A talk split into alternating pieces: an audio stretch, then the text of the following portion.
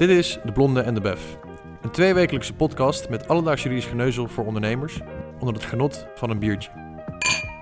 Elke podcast bespreken we naast enkele actualiteiten één hoofdonderwerp uit het Nederlands recht, maar dan in behapbaar Nederlands. In De Blonde en de Bef gaan we het gesprek aan met een advocaat binnen het hoofdonderwerp van de aflevering. Door middel van een dialoog tussen een ondernemer en een advocaat proberen we alle perspectieven zo goed mogelijk te belichten. Naar een initiatief van Hallolex en VRT Advocaten om het recht weer een stuk toegankelijker te maken. Hoi, welkom bij een nieuwe aflevering van de Blond en de Bef. We willen het vandaag uh, iets meer gaan hebben over het perspectief vanuit de particulier. Waar moet je een beetje rekening mee houden? En ja, welke rechten heb je eigenlijk als particulier zijn binnen de AVG? Ik zit vandaag weer met Leonard Belsma. Leonard, welkom. Ja, goeie dag weer, uh, Bas. Leuk om weer uh, samen te zitten om het weer wat meer over jouw favoriete onderwerp te hebben binnen het recht. Ja, de AVG. Ja, ja je, je zei het vorige keer al, je hebt van die gekkies ertussen zitten. Precies. En ik heb de beste gevonden, denk ik. Um, ik hoor het je zeggen. Ja, nou, volgens mij vind je het ook helemaal niet erg, dus dat scheelt dan weer. Nee. Um, reden van vandaag om weer eventjes uh, binnen de serie de AVG, inmiddels de derde aflevering alweer, uh, te kijken en in te zoomen op de rechten van de particulier. Welke rechten heb je nou precies die gesteld zijn vanuit de autoriteit persoonsgegevens? Um, mochten er woorden vandaag voorbij komen waarvan je zegt van hé, hey, die herken ik niet helemaal. in de voorgaande twee afleveringen hebben we het in ieder geval wat meer ook en wat breder gehad over de uh, AVG en uh, wat voor dingen daar allemaal bij komen kijken. En een stukje ja, begrippen ook die we hebben uitgelegd. Um, dus luister altijd nog eventjes naar. Um, maar in ieder geval nu wat meer ja, op jou en mij als betrokkenen en welke rechten je dan precies hebt uh, die voorbij kunnen komen. Ja, want eigenlijk gaat het daar allemaal om. Exact. Het gaat eigenlijk allemaal om onze eigen gegevens die door anderen worden verwerkt. ja, en uh, er is altijd veel en terecht ook aandacht voor diegene die die persoonsgegevens wil verwerken. Maar ja, eigenlijk begint het natuurlijk gewoon bij onszelf. Ja, de ondernemer die moet oppassen natuurlijk voor het, het verwerken van persoonsgegevens. Ja. Maar het zijn natuurlijk uiteindelijk privégegevens als het ware. Ja. dus wat dat betreft alleen maar goed om daar een keer op, op in te zoomen. Um, nou, laten we maar voor start gaan. Ja, helemaal prima. Top. Um, want binnen de autoriteit persoonsgegevens en binnen de AVG zijn er natuurlijk voor de particulier wat rechten uh, opgesomd, om het zo even te noemen. Um, ja, uiteindelijk is die AVG bedoeld om die particulier in de driver's seat te zetten. Hè? Dus hij moet controle kunnen uitoefenen uh, op uh, zijn eigen gegevens die hij heeft verstrekt aan derden. Ja, dat is volgens mij de hele reden dat die hele AVG natuurlijk van kracht is geworden. Ja. Om de, de particulier en de betrokkenen weer meer recht uh, en inzage te geven op zijn of haar gegevens. Ja, controle. Um, en, ja, exact. Die controle weer terug te krijgen. Um, en daarvoor heeft de AP een paar belangrijke rechten opgesomd. Jouw privacyrechten kunnen het ook wel noemen. Um, ja, de AP somt ze uiteraard op op de website, dus daar kun je er ook veel over lezen. Dat is ook een goede informatiebron. Uh, maar uiteindelijk heeft de AP het ook te doen met de AVG. Hè? Dus de, de rechten staan natuurlijk in de, in de AVG zelf vermeld. Ja, in de verordening zelf is natuurlijk ook alles, ja. alles vermeld. Het lijkt me goed om even die rechten in ieder geval een beetje door te lopen. Dat iedereen ook uh, die ja. aan het luisteren is kan weten ja, welke rechten je precies als betrokkenen hebt. Om maar te beginnen met misschien wel de, ja, in ieder geval de meest bekende eventueel, uh, is het recht op informatie.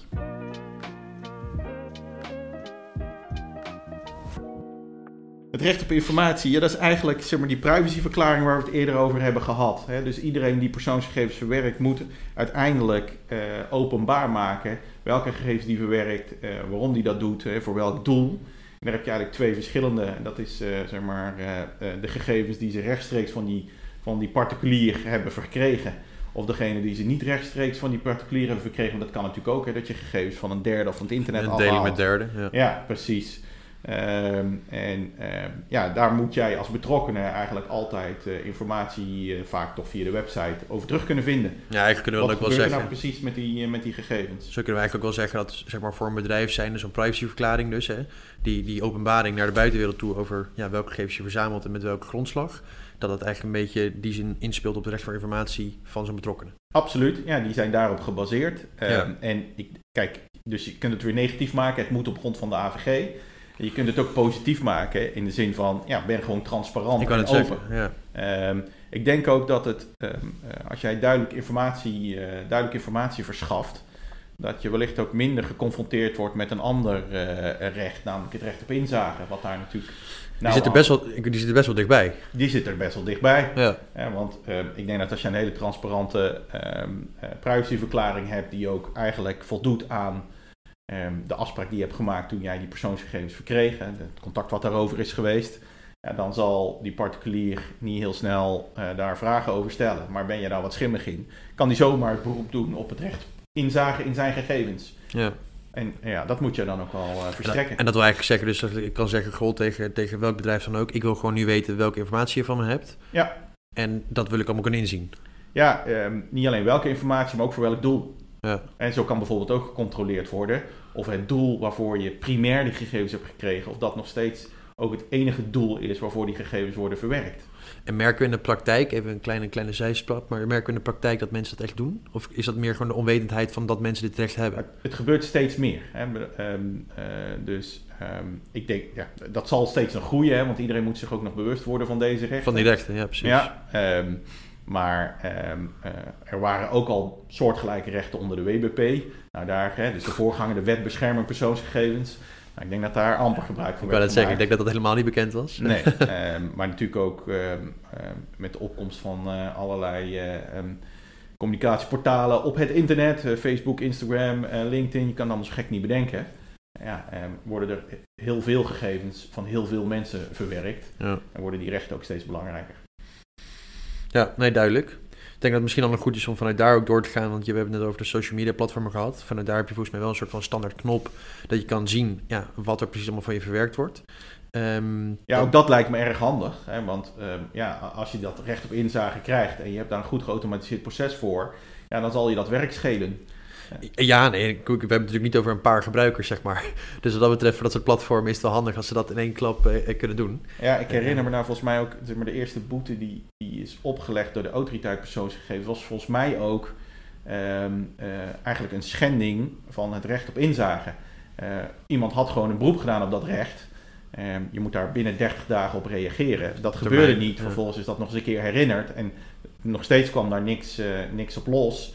Vervolgens is een klacht ingediend bij de autoriteit persoonsgegevens. En vervolgens is daar waarschijnlijk met een last onder dwangsom een dwingende brief. waarin gezegd: Nou, moet je toch echt binnen zoveel dagen um, um, het recht op inzage um, respecteren. Uh, en anders dan gaan we dwangsommen opleggen. Uh, en vervolgens is daar weer geen antwoord op gegeven. En dat heeft volgens mij toen toch 50.000 euro gekost. Ja, dus dat was geen boete, herinner ik me nu, maar volgens mij een dwangsom. Dwangsom. En dus dat is uiteindelijk ook wat er gebeurt als je niet goed meewerkt aan het recht op inzage. Dus ja, als je dat goed kan automatiseren, maar dan moet het natuurlijk wel kloppen. Ja. Het moet natuurlijk niet een geautomatiseerd, zeg maar, eh, Nee, als logisch. een, een afwezigheidsassistent worden. Hè, waarbij uiteindelijk alleen de data waarop je er niet bent nog ingevuld moet Ja, worden. of iets wat totaal niet klopt. Nee, Exact. Ja, Hè, maar als je dat goed kan automatiseren, dan is dat natuurlijk wel verstandig. Ja, maar wat ik zeg, ik denk dat dat ook meteen mooi aansluit op het volgende recht van zo'n betrokkenen. Op het moment dat je dus precies weet wat er van iemand verwerkt wordt, eh, op zo'n profiel, laten we maar even op social media houden, ehm, dat je natuurlijk ook op het moment dat je bijvoorbeeld je account wil verwijderen, dat je vanuit daar ook je recht hebt op vergetelheid. Ja. Wat ze daar heel mooi zeggen. En dat is eigenlijk van, goh, hey, ik wil niet alleen mijn Facebook en mijn, of mijn, mijn, mijn social media platform of, of profiel verwijderen, maar ik wil ook dat alle informatie die ik daar ooit heb opgezet, eh, die je dus van mij verwerkt, dat die ook gewoon verdw- verdwijnt. Als Ja. Ik weet niet of daar nog... eh, Ja, nou ja, in zijn basis komt het daar natuurlijk op neer. ja. Het is natuurlijk niet zo dat je automatisch op elk moment van de dag kan beslissen dat iemand al jouw gegevens maar moet wissen. Mhm. Daar moet wel, eh, er moet ook een grondslag voor zijn om, om, om daar een beroep op te kunnen Vanuit de particulier naar het bedrijf toe. Ja. Ja. Eh, dus eh, als bijvoorbeeld nog een overeenkomst loopt, ja, dan wordt het heel vreemd om dan al een beroep op recht op wissing te doen. Want dan kan feitelijk het bedrijf jouw gegevens, zeg maar de, de overeenkomst niet meer, niet meer nakomen. Nee. Da- daar kan natuurlijk, dus er moet wel een goede reden voor zijn. Ja. Maar eh, ja, je kan een, een beroep doen op het recht op vergetelheid, zoals dat dan duur heet. Ja.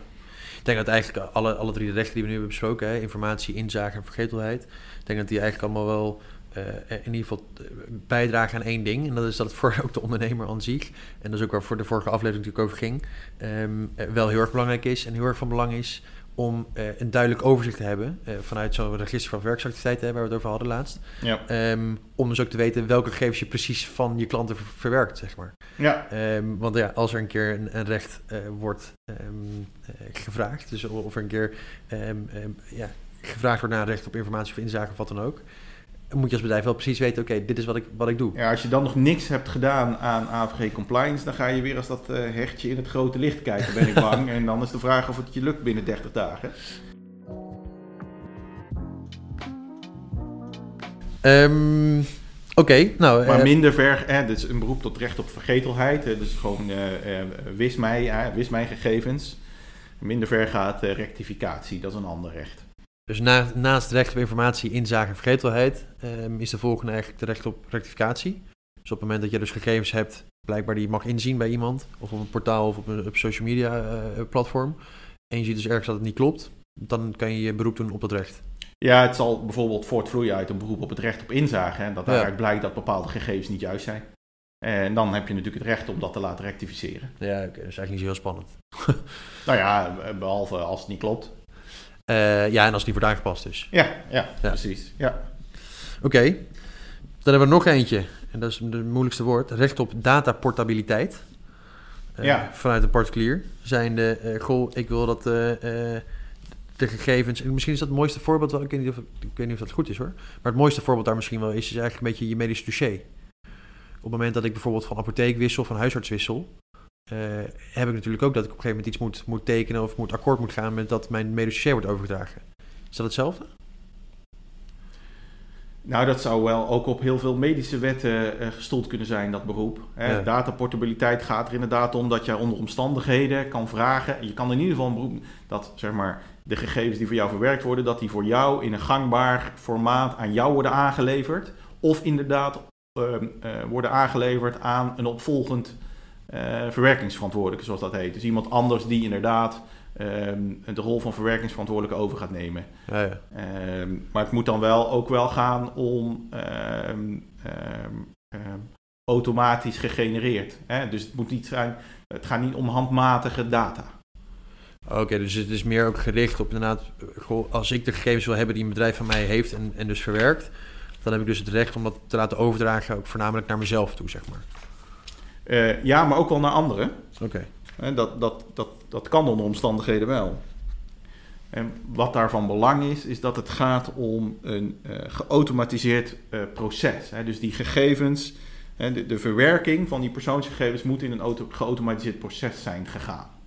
Want als dat niet zo is, is het natuurlijk monnikenwerk om eh, gegevens over te dragen aan een derde. Vanuit daar misschien wel goed om, om dan het onderscheid te maken, want ik kan me voorstellen dat die begrippen misschien een beetje door elkaar lopen. Geautomatiseerd proces enerzijds, geautomatiseerde besluitvorming. Is weer wat anders. Ja, precies. Ja, ja, nee, nee. Dus het gaat om, eh, heel specifiek, kun je een beroep doen op dit recht als jij gebruik hebt gemaakt van toestemming van die betrokkenen of de uitvoering van een overeenkomst. Mhm. En dat zijn eigenlijk de twee wettelijke grondslagen die erop van toepassing zijn. En daarnaast moet het een auto- geautomatiseerd proces zijn. Ja.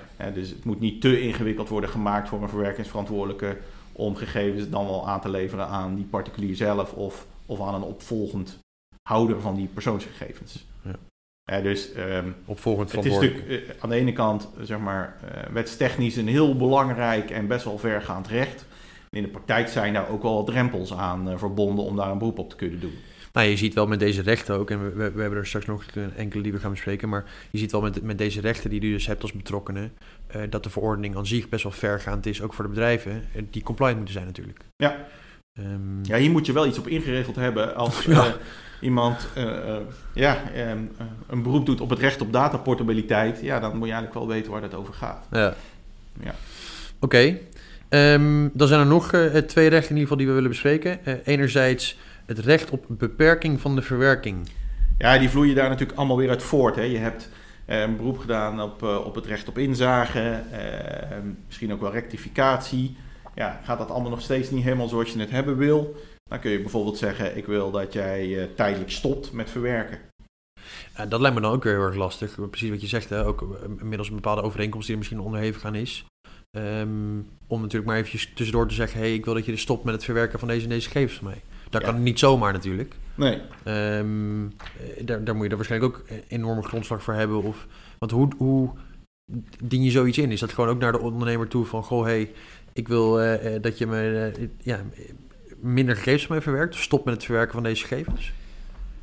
Ehm, ja, uiteindelijk gaat het wel om dat je gewoon inderdaad een, een beroep, doen op, beroep doet op dat recht. Hè? Mhm. Maar het moet wel bijvoorbeeld gaan om gevallen waarin jij zelf aangeeft van ja, het is, het is niet juist wat er gebeurt.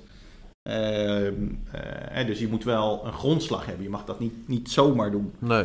En dus, ehm, Ehm, En hebben we dan enkele, weten we dan misschien een soort van voorbeelden? Want ik kan me ook voorstellen dat er best wel veel mensen Nou ja. zijn daarover twijfelen. Van gewoon wanneer is het dan gerechtvaardigd om, dat, om op dat recht te beroepen, zeg maar. Nou, bijvoorbeeld als iemand zegt van ja, de- iemand is gegevens van mij aan het verwerken en, en ik, ik ken die instantie helemaal niet, of ik, ja, eh, eh, dat is onrechtmatig, dat mag niet. Jij Ja. mag helemaal die gegevens niet van mij verwerken. Nou, dan kun je eh, met dit recht in handen aangeven, stop hier onmiddellijk mee. Ja. Eh, dus jij komt erachter dat, hè, de, dat kan al zijn, eh, jij krijgt een mailtje van iemand waarvan je denkt dat is vreemd, daar heb ik me toch nooit aangemeld. Ik ken, ik ken dat bedrijf helemaal niet. En nou, dan kun je bijvoorbeeld in eerste instantie is, eh, het recht op informatie uitoefenen. Je gaat op de website kijken of je vraagt ernaar. Mhm. Of eh, specifiek meteen inzagen. En als je vervolgens denkt, ja, ik heb helemaal nooit iets met dit bedrijf te maken gehad. En ik vind het eigenlijk helemaal niet prettig ehm, eh, dat zij mijn gegevens hebben en dat ze er ook daadwerkelijk iets mee doen. Ja, dan kun je uiteindelijk bijvoorbeeld ook een beroep doen op dat recht op beperking van de verwerking. Daarmee kun je eigenlijk ieder geval zeggen, ja, stop hier maar eens heel even mee, want ik wil hier wat meer van weten. Ja. En anders kun je natuurlijk ook een beroep doen op het recht van bezwaar. ja, dat is natuurlijk het uiteindelijke middel, zeg maar, denk ik. Ja, Om gewoon alles volledig te stoppen. En maar dat is ook als voorbeeld hè, van gewoon dat je bijvoorbeeld iets opgestuurd krijgt, denk ik, naar je thuisadres. Met betrekking tot bepaalde reclame. Eh, en dat gewoon wat intrekken. Ja, dat, dat recht van bezwaar, ja, dat moet jij zelf ook wel enigszins onderbouwen. Hè? Jij moet aangeven waarom jij in dat specifieke geval recht, zeg maar, bezwaar hebt tegen, tegen, tegen verwerking. Ja, dus wat je net ook hebt gezegd, dat ligt redelijk nauw verwant aan het recht op beperking van de verwerking. Dat op het moment dat je dus iets ziet van, goh, een bedrijf doet iets met mijn gegevens, maar dat wil ik eigenlijk helemaal niet. Kan je of dus gedeeltelijk ehm, daarin dus bezwaar maken, of gewoon volledig bezwaar van, goh, ik wil niet dat je dit van mij verwerkt. Ehm, en dat ze Ja. dus ook mo- moeten stoppen met het Het gaat ook wel weer om ehm, bepaalde grondslagen in de AVG. Dus je kunt dat ook weer niet altijd zo Nee, natuurlijk. Nee, dus logisch, dat, ja. dat is de nuance. Dat kun je natuurlijk in die podcast nooit aangeven. Er zit natuurlijk weer heel veel nuance in de wet. Overigens bij direct marketing, ja, dan heb je als betrokkenen altijd het recht bezwaar te maken tegen de verwerking. Ja. Ehm, voor, voor, voor, eh, voor die Ja, marketingactiviteiten. u- uitzonderingen daar gelaten, precies wat je zegt. Is natuurlijk per branche, per activiteit, per noem het ook maar op. eh, Er zijn natuurlijk bepaalde nuances. Ja. Dat is natuurlijk sowieso ook wel goed om te noemen nu in de podcast. Nou ja, maar dat is natuurlijk ehm, ook weer als, als ondernemer is het dus wel weer van belang om als je zo'n zeg maar, verzoek krijgt, dat ook getoetst wordt. Heeft die betrokkenen wel eh, recht op eh, Ja, het is tweeledig. recht op dit recht, ja, het is maar. hè? tweeledig Ja, precies. Ja. Is, dat, is dat beroep wel terecht? Ja. Ja. Oké. Ehm, stel nou dat je dus als particulier zijnde, als betrokkenen zijnde, je dus je, eh, je beroep hebt gedaan op een van deze eerder genoemde rechten. en vanuit daar dus geen gehoor krijgt vanuit de onderneming of de verwerkingsverantwoordelijke. Eh, dan kan je overgaan tot, en dat is eigenlijk het leukste gedeelte vanuit de AP. Klagen! Op het moment dat je ook maar de autoriteit persoonsgegevens.nl eh, naartoe gaat, ja. dan staat er een grote paarse knop volgens mij. Nou ja, soort of. eh, ja. Met klacht indienen, huppakee. Ja, ja, da- ja. Ben je het er allemaal niet mee eens, dan ga je uiteindelijk naar de toezichthouder. En dat is Ja. de autoriteit persoonsgegevens. En dan kan jij een klacht indienen. Ja. En ehm, ja, dat gebeurt steeds meer en steeds vaker. Dat is natuurlijk ook wel met een echt wel het grote risico van de ondernemer in die zin. Ehm, ik, ik, ik maakte net gekscherend al een beetje het voorbeeld met betrekking tot een boekhouding. Kijk, als ik bepaalde als ondernemer fouten maak in mijn boekhouding, is er niemand die daar in die zin naast de Belastingdienst op toeziet. Of die dat kan controleren. Maar op het moment dat ik een fout maak in de verwerking van mijn persoonsgegevens, of de persoonsgegevens van mijn klanten, of noem het dan maar op, dan is dat in die zin openbaar en kunnen mensen dat zomaar inzien en daar dus ook een klacht over indienen. En dat is Ja, nou, uit- beetje- ja ik bedoel, eh, eh, de AVG ga- gaat lopen vanuit het perspectief van degene van wie jij die persoonsgegevens verwerkt. En dus heeft hij het recht om inderdaad daar ehm, invloed op uit te kunnen oefenen. Ehm, en ja, en als je dat niet goed doet, dan zul je dus ook ergens moeten gaan klagen. ja. Hè, dus eh, ehm, dat blijft altijd lastig, maar als je begint te denken vanuit jezelf, hè, vanuit een particulier, ja, dan is het ook ergens logisch dat als jij als particulier in die driver's seat moet zitten, ehm, eh, ja, dat je dan ook middelen hebt om iets te kunnen doen als er niet naar je wordt geluisterd. Ehm, of jij zeg maar eh, het lastig wordt gemaakt om je recht uit te oefenen, of daar geen gehoor aan wordt gegeven. Ja, dan is, dan is het best logisch dat je dan uiteindelijk naar een toezichthouder kan ehm, om, eh, om een klacht in te dienen. En Ja. uiteindelijk, ah, ja, als dat allemaal onrechtmatig blijkt te zijn, kan, kan je ook schadevergoeding, eh, dus als er in strijd met de AVG wordt gehandeld, uiteindelijk kun je dan ook schadevergoeding eisen. Ja, want de AP heeft natuurlijk in die zin een belofte gemaakt dat ze elke klacht in behandeling nemen. Ja, dat is vrij ambitieus, maar... Ja, laten we dat even daar laten. maar uh, in die zin is het natuurlijk een beetje de belofte van de AP... gewoon elke klas wordt in behandeling genomen. Uh, maar het, het, het, is wel mooi dat dan nu ook, als we het er zo over hebben... Uh, op elkaar overloopt als het ware. Want het recht op informatie als het ware... van de zijnde, oké, ik wil die privacyverklaring inzien... want ik wil weten wat er allemaal gebeurt. Als je dat dus al niet hebt, kan je dus beroep doen op je recht op informatie. Als dat dus niet um, gevinkt wordt door een bedrijf, kan je dus meteen een klacht indienen van, goh, hey, luister, alleen het, het basisrecht, om het zo even te noemen misschien, daar wordt niet eens aan voldaan. Dus om even het belang ook te laten zien van zo'n privacyverklaring. Ja. Die transparante verwerking van, goh, wat doe je allemaal? Ja, dat zei ik aan het begin ook. Hè. Ik denk dat je er uh, verstandig aan doet om dat gewoon helder, transparant en to the point in te richten. Ja. En want dan, ja, dan heb je in feite ook niks te vrezen van uh, welk beroep dan ook. Dan zou het hoogst kunnen zijn dat het administratieve lastendruk met zich meebrengt. Maar ja, je hebt niks te verbergen, dus, dus kom maar op. Ja. Um, maar uh, uiteindelijk kan de autoriteit persoonsgegevens, die zal uh, um, dan in eerste instantie waarschijnlijk beginnen met een brief. Maar reageer je daar niet of niet tijdig op, dan kunnen zij een last onder dwangsom opleggen. En dan kunnen zij vinden dat je iets moet gaan doen binnen een bepaalde tijd. En doe je dat niet, dan ga jij dwangsommen verbeuren. Um, en uh, ze kunnen uiteraard ook een boete op gaan leggen als blijkt dat jij in strijd handelt met die AVG. En het niet respecteren van rechten is het in strijd handelen met de AVG. Dus ja, dat zou ook nog tot een boete kunnen leiden. Dus nee. dat kan nog wel eens een heel, heel duur grapje worden. ja, ik wou net zeggen, die boetes zijn natuurlijk niet altijd mals. Nee. Duidelijk. Ik denk dat we hem eh, redelijk rond hebben. Ik denk dat we in ieder geval alle rechten van de betrokkenen uh, behandeld hebben. Ja, het zijn er een berg, hè? Uh, jij, hebt er nog wel wat. Ja, maar denk we, wel, we hebben met z'n allen meer dan voldoende tools uh, om uh, um, het bedrijf het, het, vuur in de schenen te leggen. Nou ja, of andersom, om um, te weten wat er met jouw gegevens gebeurt. Ja, maar ik denk ook vanuit de ondernemer goed om te weten welke rechten dus de betrokkenen hebben van wie ja. de gegevens verwerkt.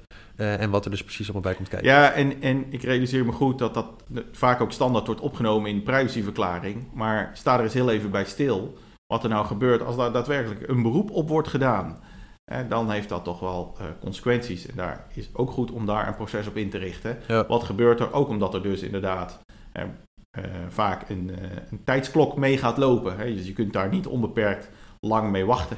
Nee. en um, ja, daarom is het ook maar weer goed om ook op dat gebied eerst voor jezelf goed na te denken hoe je dat wil inrichten. Ja, preventief is natuurlijk wat dat betreft ook alleen maar hartstikke Absoluut. Ja. Duidelijk. dank, Leonard. tot de volgende Jij ook bedankt.